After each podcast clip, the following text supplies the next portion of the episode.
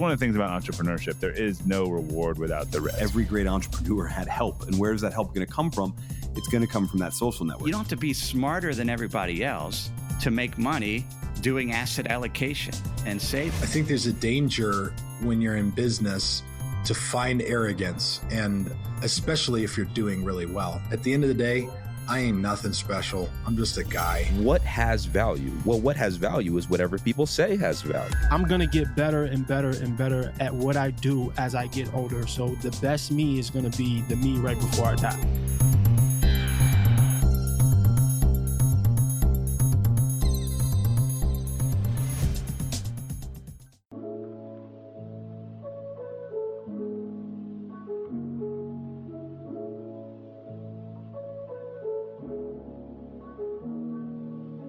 Hello, family. Welcome back to the Marketplace Podcast. I am your host, Priest Willis, and on today's episode, number 152, I have a very interesting guest with a very interesting business plan. His name is Chris Marshall, and anyone who has stopped drinking, either temporarily or permanently, knows the decision is often met with questions, curious looks. People want to better understand why aren't you drinking? Why did you decide to quit? I've seen it myself in some areas. But Chris the visionary behind Sans Bar wants to make it easier. Sans Bar, billed as the first alcohol free bar in Texas, is inspired by Marshall's personal and professional experience watching people struggle with alcohol. Marshall, being a recovering alcoholic himself, also spent years as a substance abuse counselor, witnessed firsthand the damage that alcohol could cause. In addition to Austin, Chris also hosted pop ups in places like LA, Portland, and Kansas City, so he's highly focused on business. And although they've been gaining attention in New York and typically haven't worked necessarily in America, Marshall wants to change that. His goal is to have a Sans Bar in every city and brand drinks in the stores almost like a Starbucks, which I think is very interesting. So hopefully you get something out of his personal story, but also his decision to want to scale this sober friendly bar. Without further ado, here is my man, Chris Marshall.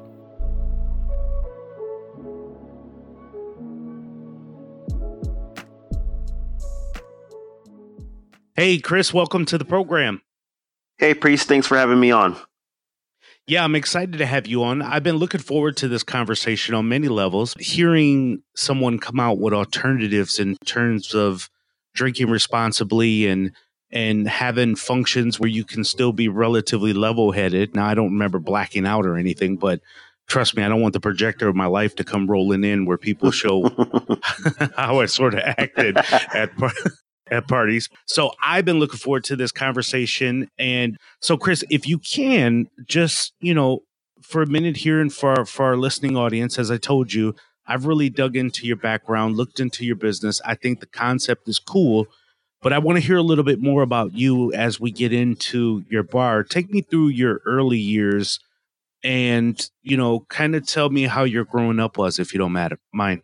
Yeah, yeah, not at all. So you know, uh, I had my first drink at 16, and I think that that first drink for me was far different than most people experience their first drink. I I definitely was a kid who grew up most of their lives in communities where I, I may have been different, uh, you know, I may have looked different or may have had less money than the people around me. So I always had this kind of, uh, you know, chip on my shoulder. I always felt inferior to the people around me when I took that first drink, I just felt like uh, like I was one of the boys. You know, it was uh, it was an experience where I felt that I had kind of found a way to become equal to them, which is completely not logical, right? But but I felt like we shared this experience. We we had this this moment, this rite of passage, and that made me feel like I was like I was part of this social circle that I so desperately wanted to be a part of. You know, I had friends, but I always felt that I was different from everyone else. I took that first drink at 16 and, uh, you know, immediately two things happened. One, I felt like I belonged. And then the other thing was my drinking became problematic almost from the first sip. I, I, someone who just could never handle my liquor, as they say. I just, I could never drink any safe amount of alcohol. So You know, I would continue to drink throughout high school. In fact, I got my first DUI at 16. Wow. Uh, wow. I, uh, yeah, crashed my mom's car into a neighbor's backyard, almost killing two kids who were sleeping, and uh, went to jail for the first time at 16. Swore to myself I would never drink, but of course, the, the pressures of high school wanted to fit in just like everyone else. So, knowing I probably had a significant problem with alcohol, I just could not stay away because I, I didn't want to miss out. And I had this big fear of missing out on the next party, the next, you know, after party after a football game. I, I just couldn't see myself not drinking. Went to college in San Antonio, Texas, and joined a fraternity. And even there, my fraternity brothers, and of course, being in a fraternity, you know, drinking is part of that culture. But even those, and they were boys, and now, you know, I'm a little bit older, I realized like 18 and 19, those are still boys. And even those kids saw that my drinking was just not normal. It was not um, what everyone else was doing because I was drinking for an entirely different reason. I was drinking to connect. I was drinking to feel like I belonged. I was drinking for all the wrong reasons. And, you know, I've been fortunate enough to have conversations in my professional and personal life with people who echo that sentiment that they don't drink just to relax after work. They don't just drink because they're on a girls' weekend and they want to, you know, try the new rosé they are drinking for an entirely different reason and that can look like self-medication or that can look like you know drinking to just feel less you know anxious or depressed and so you know i i thought at the time uh, in my early 20s that that my situation in life my position you know in this experience with alcohol was entirely unique and that i was the only one that had this experience and what i would come to find out is that this is a very common experience. And a lot of people struggle with the bottle and with other vices. And they, they also felt, feel alone. Eventually got sober at 23. Would you say, Chris, that before that, before 23, that you were a functioning alcoholic, you know, between when you graduated from high school and by the time you sobered up?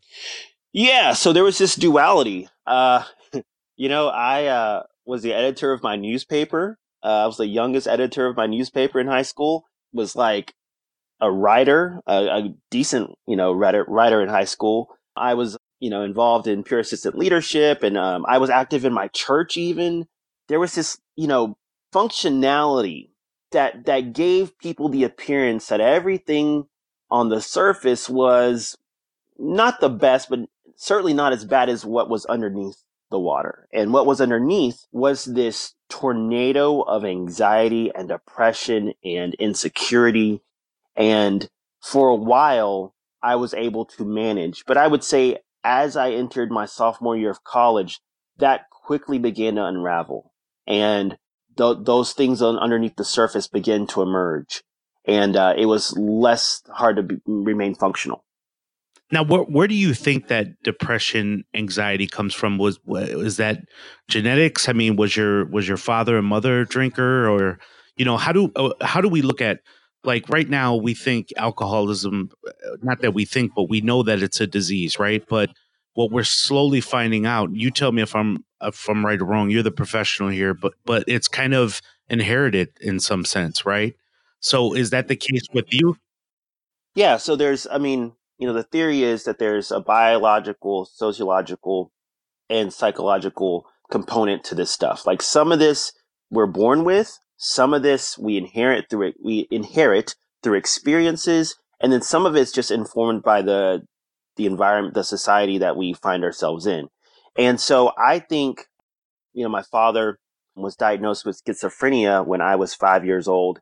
You know, I also believe that he probably suffered some traumatic brain injuries because he was a pro boxer. And so there, there might have been a history, and there is a history, you know, in my extended family of mental illness, but I, I don't know if it's, it's straight biological. I think that some of it also was, you know, some early difficulties that I had uh, assimilating again to into society, and all of those things probably created a little bit of an anxiety disorder, or or it turned on that switch, right? Like my sister and I have pretty similar genetics, my sister doesn't have any of those mental health problems.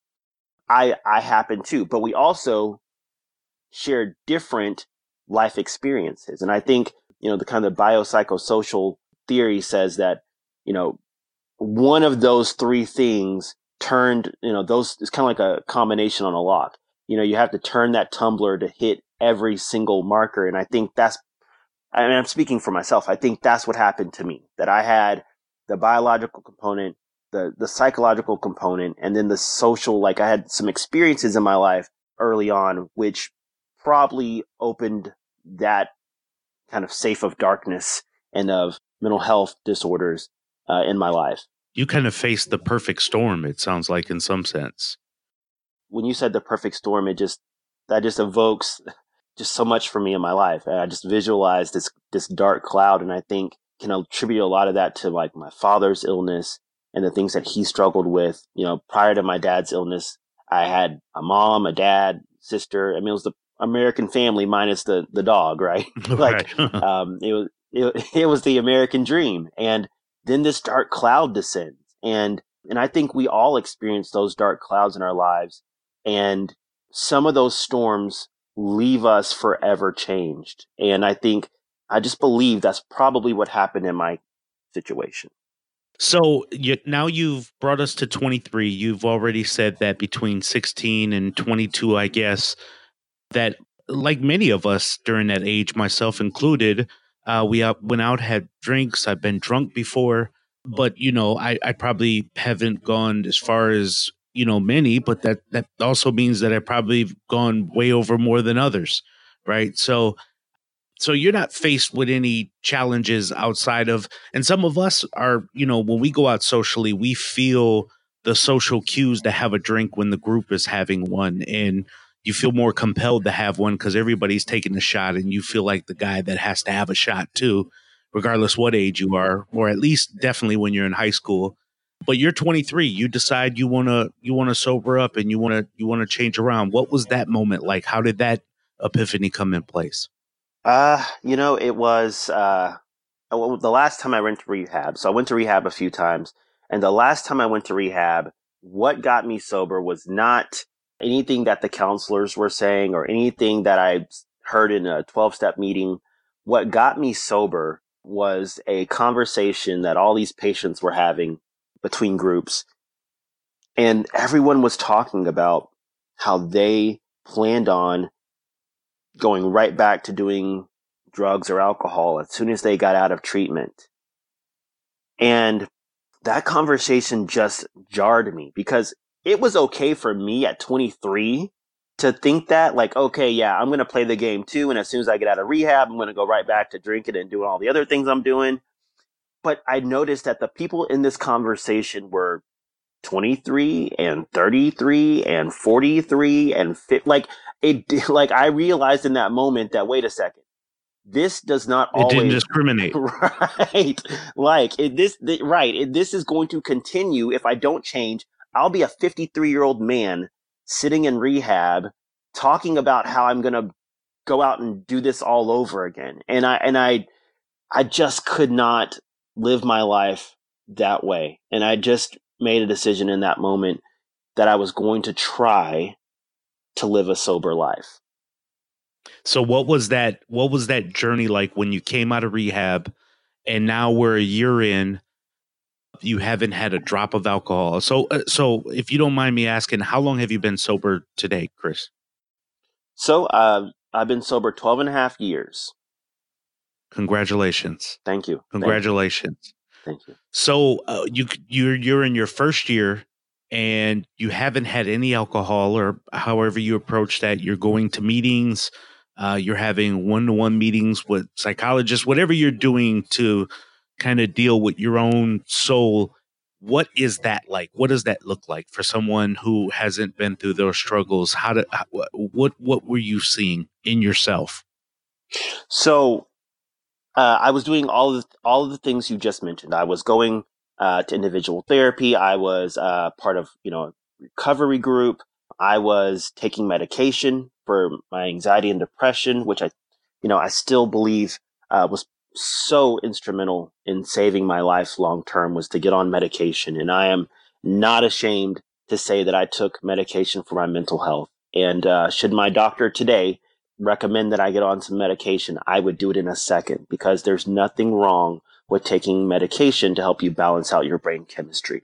Absolutely nothing. And it's, a, I, I need to put a finger in that for a quick second, Chris, because this is important that we talk about this for a second. Mental health is so important for people. The one thing that I don't understand about our world today is how, and I think that stigma is slowly being peeled away, but particularly in the black community. Let me hold there for a minute, where we, you know, we take the manhood away from men and we strip down women as being weak. And I mean this sometimes ab- about how we talk to each other. And we need to face the fact that we all need that help. And I never could understand why, if someone was taking medication to rectify whatever that mental illness is, because remember, this is all chemical. We're talking Mhm. about serotonin levels and all this other stuff that Mhm. people are faced with. But yet we don't, we never would, we would never ask somebody to take their glasses off while they're driving on the highway. Mm-mm. So it, I, I never can rectify if someone is sick or has an area of need, particularly in this area. We need to be compassionate and we need to understand what kind of help people look for. Because if we don't, people will continue to go to drugs and other places to try to rectify it their own way. And we found out a lot of times that doesn't work. And Chris, I, I hated to cut you off there, but that was important because I, I love your stance on the fact that look, I took medicine and it was important for me to do it. I, I appreciate you for that. No, thank and thank you for for pausing there and just expanding that because I just believe, especially in communities of color, we just still have a stigma around mental health, and um, too many people die. They lose their lives because we don't talk about it. And so I'm just so grateful that you even, I know this is a business kind of centered podcast, but This is- It's all good. I, but I believe that this is business, right? Because someone listening right now knows someone that is struggling and they see them struggling or they themselves are struggling and they don't know how to make it. And so they may press forward in business, you know, become a, you know, serial entrepreneur in hopes that the next big thing that they create or develop solves the mental health problem, but it never does. And I, and I just, I believe that mental health and the way that we talk about substance use in the business world is, is so essential. And so just again, just thank you for parking right there. That is, cause that's my language. We're Yeah. talking mental health. That is, that's my passion. That's what I love. And, uh, and I, and I do believe that that is probably the most central thing to what we're doing at Sans Bar. I want to thank today's sponsor, Blooom. Do you guys have a 401k of some kind? You're always wondering if you have the right investments, if you're picking the right thing, and you're just not fully sure? Well, Blooom with three O's, B L O O O M, does free analysis of your current employee sponsored retirement plan. You get to understand your investments at a glance and uncover unnecessary hidden fees. Then you put them to work. You put Blooom to work with your account for $10 a month, and they'll essentially fix your 401k by optimizing your fund choices and minimizing those hidden fees. And then at that point, you just sit back and let them do what they're going to do. Now, I found out about Blooom because of David Stein. I was listening to the podcast Money for the Rest of Us, and he mentioned Blooom, and I just wanted to check to see if I was picking the right investments. And I wasn't that far off. There was a few tweaks, but the concept itself of Blooom is amazing. Go in today's podcast notes and check it out for yourself. Blooom, B L O O M, for your 401k analysis. Let's get back to the show. I was going to say let let's get into Sans Bar and kind of your your journey around it. So you've been sober for 12 years, 12 and a half years and but but before we talk about Sans Bar, guess let let's just let me ask today in the past 12 and a half years how hard has it been for you to not have a drink or is it not about not having a drink you can have a glass of wine but it's in a social environment how do you how do you approach that today for someone who's who's been sober for 12 and a half years Yeah. So I am 100% alcohol free. I don't partake in any kind of alcohol, much like a vegan wouldn't eat meat. You know, like I don't, you know, dabble. I don't, you know, take, you know, things that are close to it. Like I just, if I know that there's alcohol in that beverage, I won't, will not drink it. And so part of what, and I think you, you were asking me what in that first year helped me. Yes. And I think that again, in addition to all the medication and the, all the psychotherapy and all the other things, one thing helped me more than most. And it was having a community of people around me in my rehab that were older and had been sober a while. And they would take me out every Friday night and we would go out, eat dinner, and stay up till 2 a.m. drinking coffee. And I, at the time, I did not realize how hungry I was for connection. I didn't put the two together that my whole drinking, my, the first drink I ever had was over connection, right? It was about seeking connection. And these people understood just how important finding connection and community was to my long-term sobriety. And I would spend the next year of my, the first year of my sobriety deeply connected to these people on a Friday night. I was going to say, have you have you t- talking about connection and the the the urge to want to get out, and maybe the connection between drinking and you know being around people. Is there any truth in you know the fact that because people have become more reclusive in terms of social media, playing on the games, Netflix and chill, and all this other kind of stuff, that you know, people just tend to drink more at home now and, and get drunk and get lost in drugs. Is that is there a truth in that or no? I think there is some truth to that. I think that, you know, if if we are to ascribe to the disease concept of alcoholism and addiction, that disease by its nature is a disease of isolation. And the the antidote is connection. And true to your point, we are a more seemingly connected society, but we are very disconnected from each other. And the spark, the rare element that I discovered in that first year of sobriety was that micro connections sustain your sobriety and they, they sustain any change. I mean, any life change. Look at, look at businesses that succeed like Weight Watchers or Orange Theory or anything in the wellness space, it's all about creating connection. And I had a real world experience at 23 of that connection. What was it? It, it was the, that group of people, you know, having a group of people around me. And so I understood then that, you know, by having those connections, you create community and community sustains any kind of life change that you're going to have. I, I went after I spent that first year in Houston, getting staying sober, uh, moved to Austin, went to school, and became a substance abuse counselor.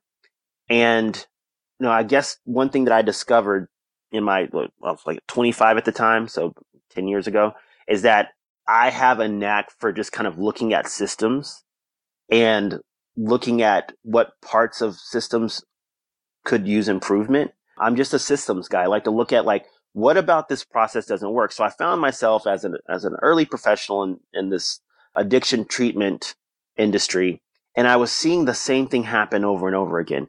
A client would come in, they'd have an alcohol problem or a drug problem. Uh, we detox them if detox was necessary, get them on meds, stabilize them, and after 60 or you know 30 days in rehab, we send people out, and they have almost no resources out in the real world where the real struggle is, and they relapse. And I saw this happening over and I mean years, priest. I'd watched thousands of people go in and out of this cycle. And some people would die. And the treatment industry is just okay with that. Like that is just part the cost of doing business. And that just never set right with me. That people would go to they pay and i mean we're talking some of these treatment facilities are 100k or better. I mean the, these facilities are charging people a ton of money for a result that they cannot guarantee. It is sad because you know that uh, you know it kind of goes back to sometimes how people look at medicine that the treatment isn't necessarily in the cure in the cure but it's in the the process it's in the it's in the medicine it's in everything but ultimately getting you to the place where you need to be so this this leads me to the Sans Bar which i thought it, you know when i first read about this and then i saw you i believe it was kuv which may be a texas television station. I don't know how i ran into you but i just started all of a sudden absorbing what you were doing which i thought was hella unique in terms of creating a non-alcoholic bar which at first i was like non-alcoholic bar how could that be fun? But just as you're talking to me today about connection and stuff like that i totally got it and you know so tell me what what was kind of the birth of you coming up with the Sans Bar what did this this all is that what you were ultimately driving at was connection and everything else that we're talking about here today Yeah, so I mean, this is perfect because this is you know right along with the you know the stories. Like I was you know seeing this problem happening over and over again. I I lost two or three clients in rapid succession, and I just realized like this is this is not working. This is not working, and this is not we're not providing a, a whole service. It's like if you went to the hospital, had surgery, and then the second you walk out of the hospital, your body reverts back to the condition it was before. Like that's just that would be unacceptable in medicine. But in in substance abuse treatment, it was okay. So I was like, okay, we're doing it. We're doing a decent job, but we could do a better job. And what what about the system needs to change? And so I looked at, you know, how can we set up people for connection and community? And that is really where Sans Bar was born. I just thought about, you know, a bar where people can connect. You know, we have great mocktails. We have great musicians that come in. We have great comedians. We have, we offer all the, the trappings of a, of a kind of nightlife, but our real product is connection that that is what I'm pushing. That is what I'm selling. I'm not selling you a mocktail or you know a snack. I'm right. selling you something that that is intangible, and that is that social connection. Yeah, well, one of the best. So I go to cigar bars often. I go to some locally in Raleigh here, and even this Labor Day, I'm driving down to Cam Newton's uh, cigar bar. So that social environment lets off endorphins in your brain. That that's amazing. That we may have taken advantage of. We think we're just sitting around talking to people, engaging, but there are actual chemical things that are happening in your body as you begin to connect with other people. You know, we need each other. Remember how crazy Will Smith went in I Am Legend when he was talking to a dummy in the blockbuster video? I mean, you can imagine if there was some drink around, he probably would have grabbed one then. One thing I thought of, Chris, in that though, is do you think the challenge for some non alcoholic, but a party atmosphere kind of have, you know, kind of reminisce on what what it was to be in that atmosphere and then have a drink and then bring them back to that place. Does that make sense? So I, I always wondered if people were in the like they had the music, they had the comedians, they're they're feeling it that night. They're talking to a pretty young lady at the Sans Bar and everything is going right. But the only difference is I remember the last time I was in this place, I had a nice cold drink in my hand. The mocktail is really good, but I had the drink. D- d- do you think that reverts them back, or do you think they they appreciate the fact that they don't need that and that they still have everything else to go with it? So this is where my years of clinical experience come into play.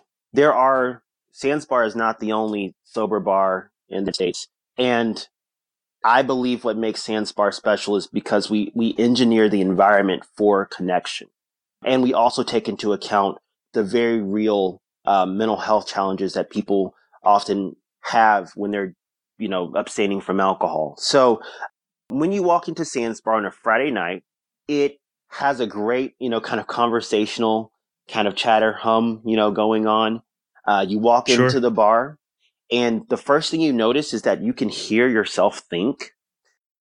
We can have like the most famous DJ in the world come, but that DJ and I have made an agreement that you're never going to get a certain above a certain decibel because I want everything. No, that's that's that's a real thing. Everyone, I don't care how established, how awesome, you know, John Legend could come into the bar today and I would say, John, we're going to have to come to an agreement that you can play right here. Well, I want you to stay right here. And if you can't stay here at that level, then this isn't the bar for you because you are Well, not it- the star Chris, of the show. But it just, Chris, it just wouldn't be right for DJ Khaled to be like DJ Khaled. No, I'm just, I'm Uh, playing. I totally get. You you can whisper another one just fine. Just another one. It's the same. It's the same thing, priest man. I'm telling you. So um, it's it's wired, but it's it's wired for uh, connection, and so that yes, the music is great, but it's never going to be so loud that you cannot talk to that pretty lady across the bar.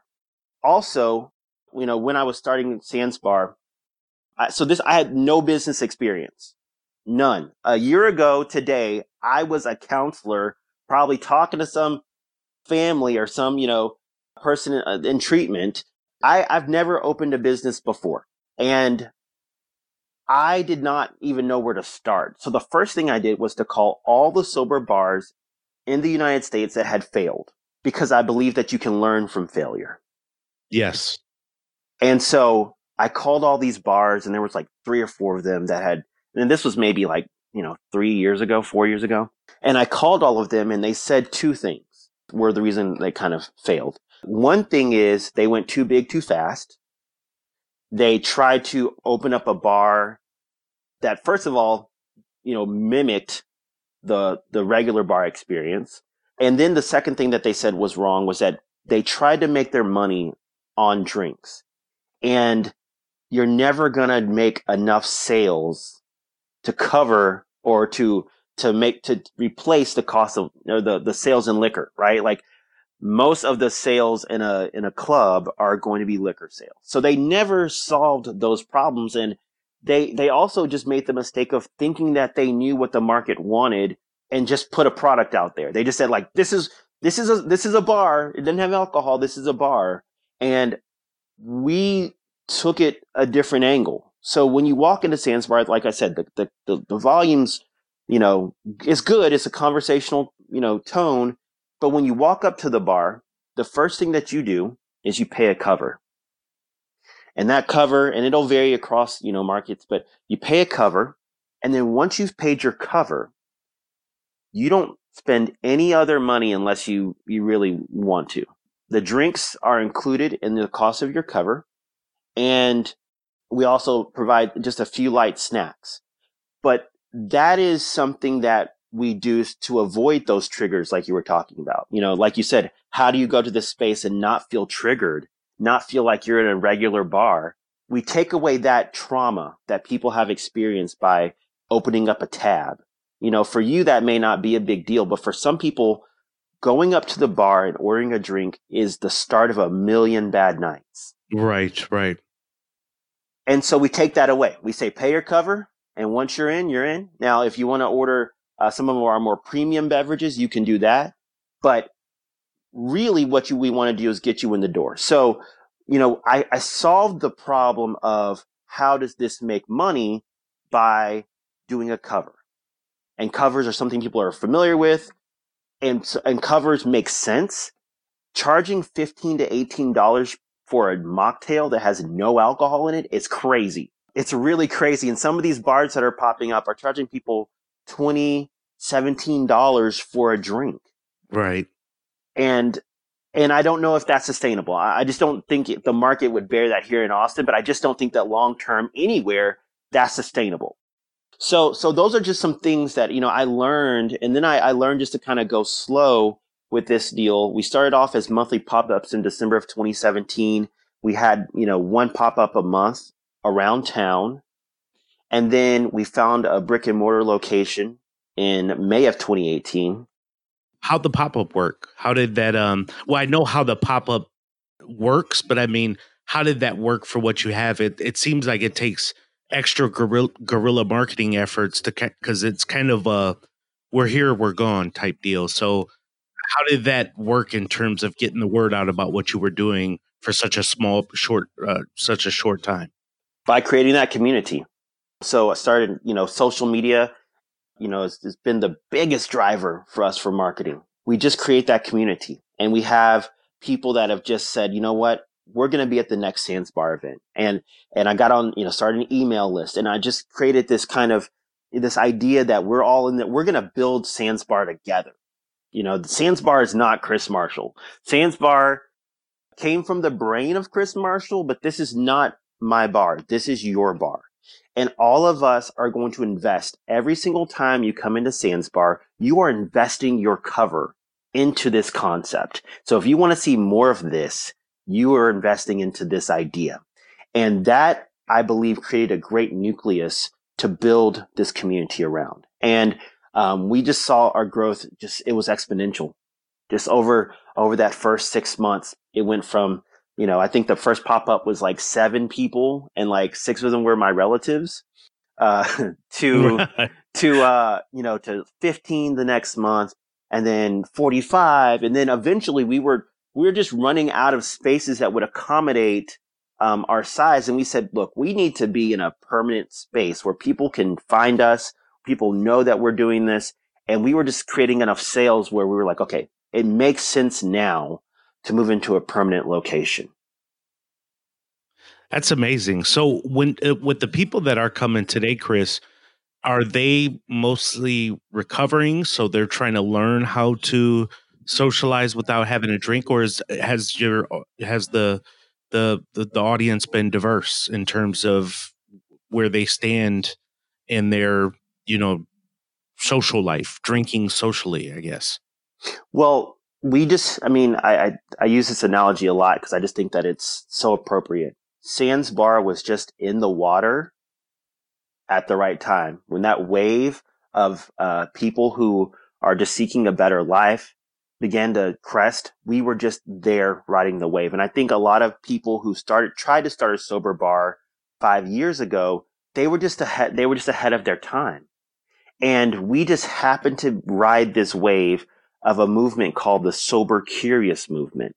And this, this movement has been growing. And right now, that is why we've been getting so much press is because every news outlet um, from the New York Times, USA Today. Uh, we were on NPR later earlier this summer.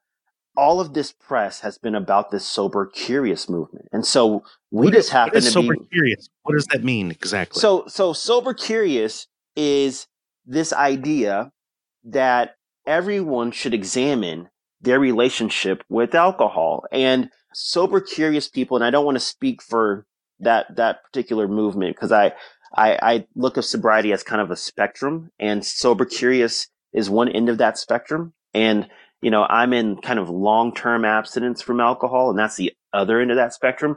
But what's been growing is this sober curious movement. A woman by the name of Ruby Warrington wrote this book called Sober Curious. And in it, she captures where a lot of people find themselves, which is not sure if they're alcoholic, not sure if they have a problem with alcohol, but they are curious about the benefits of abstinence from alcohol. And this started, that book single handedly started a revolution.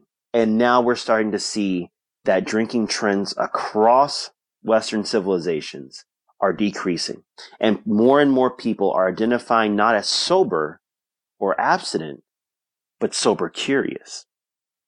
So these are people also, I think I read where people are, eh, eh, well, I think it's some health, medical health, something out there report that says that if you dial back on drinking, so for example, you get one report that says two drinks a day will keep the doctor away. Someone else says, no, it's just one.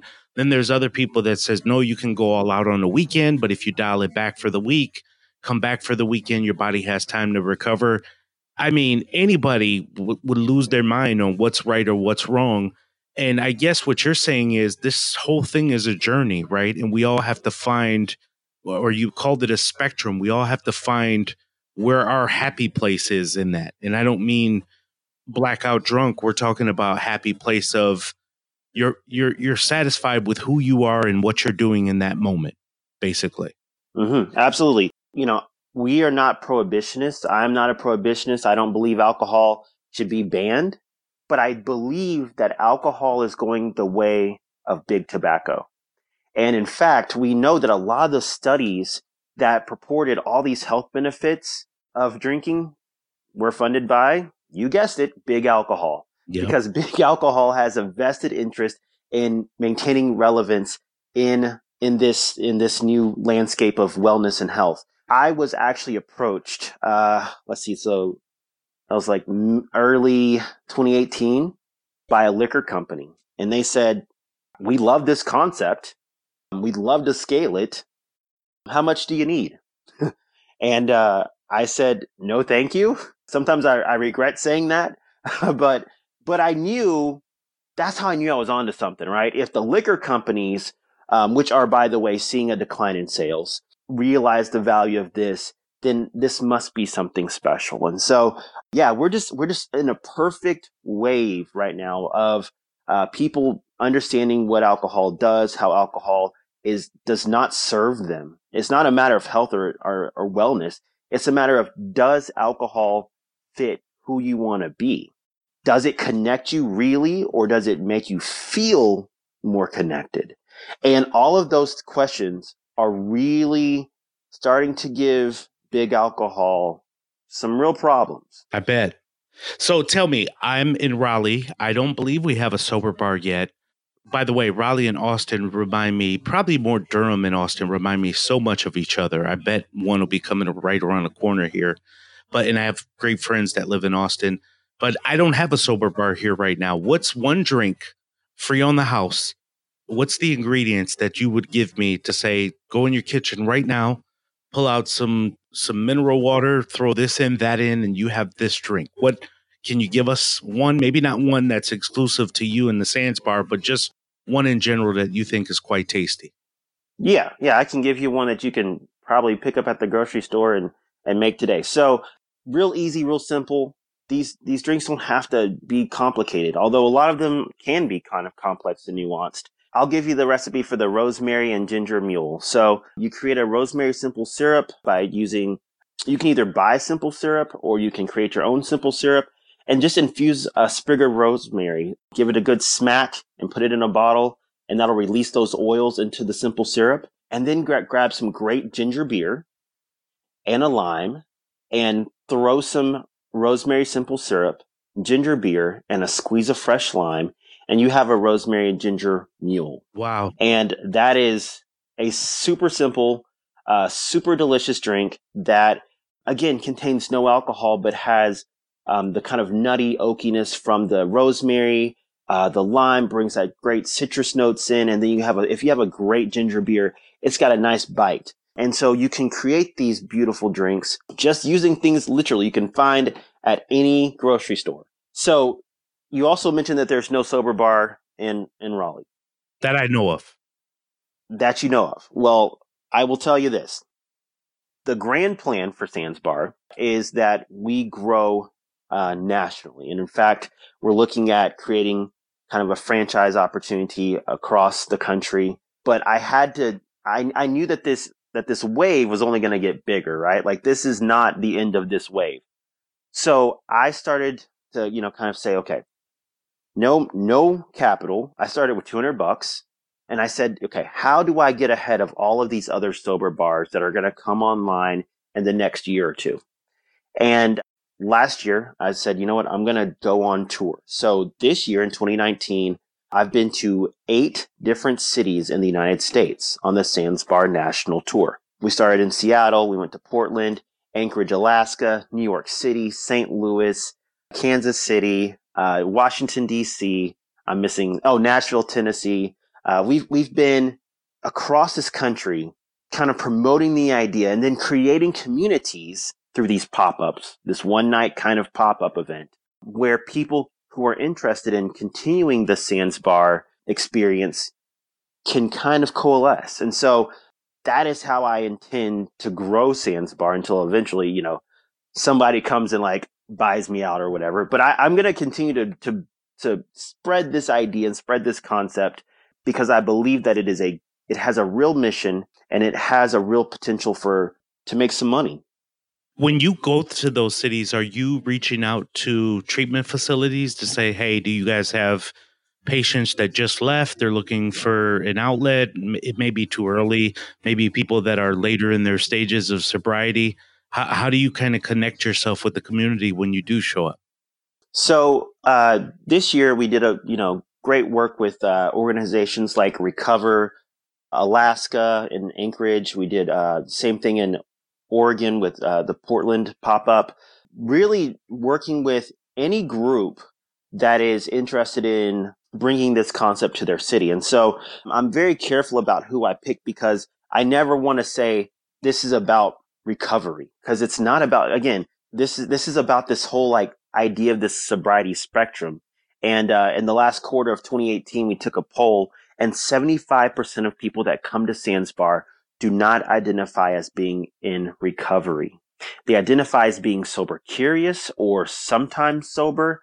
So we are seeing a larger segment of the population than we initially thought because this is not just about recovery. This is about having a fun night without alcohol. Wow, that's really cool. I, I think the concept is amazing. I think what you're doing to go around the cities is amazing.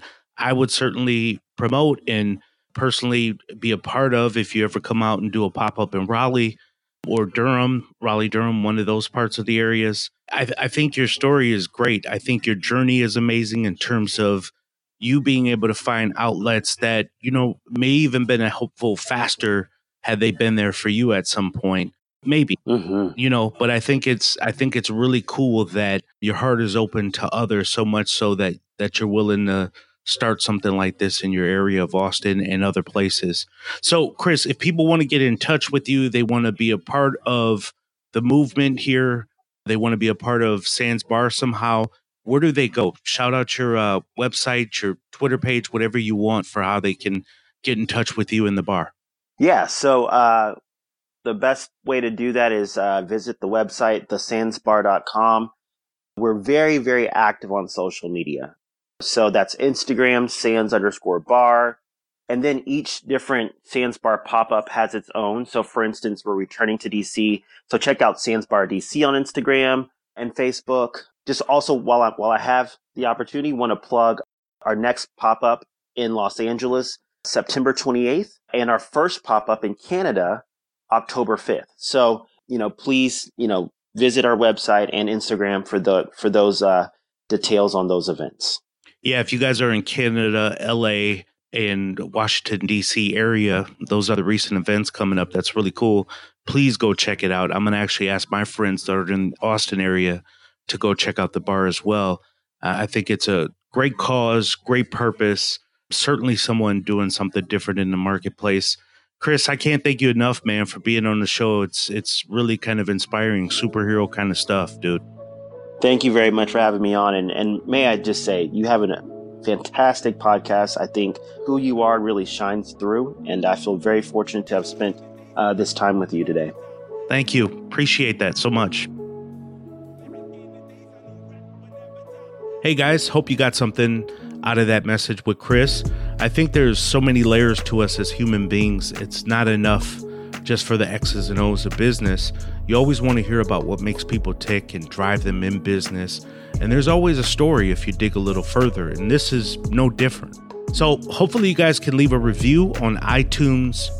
Go out to Google Play, wherever there's a podcast, we should be on there. Spotify. If we're not, let me know, please. But until next Sunday when we have a special guest, again, I'll talk to you soon.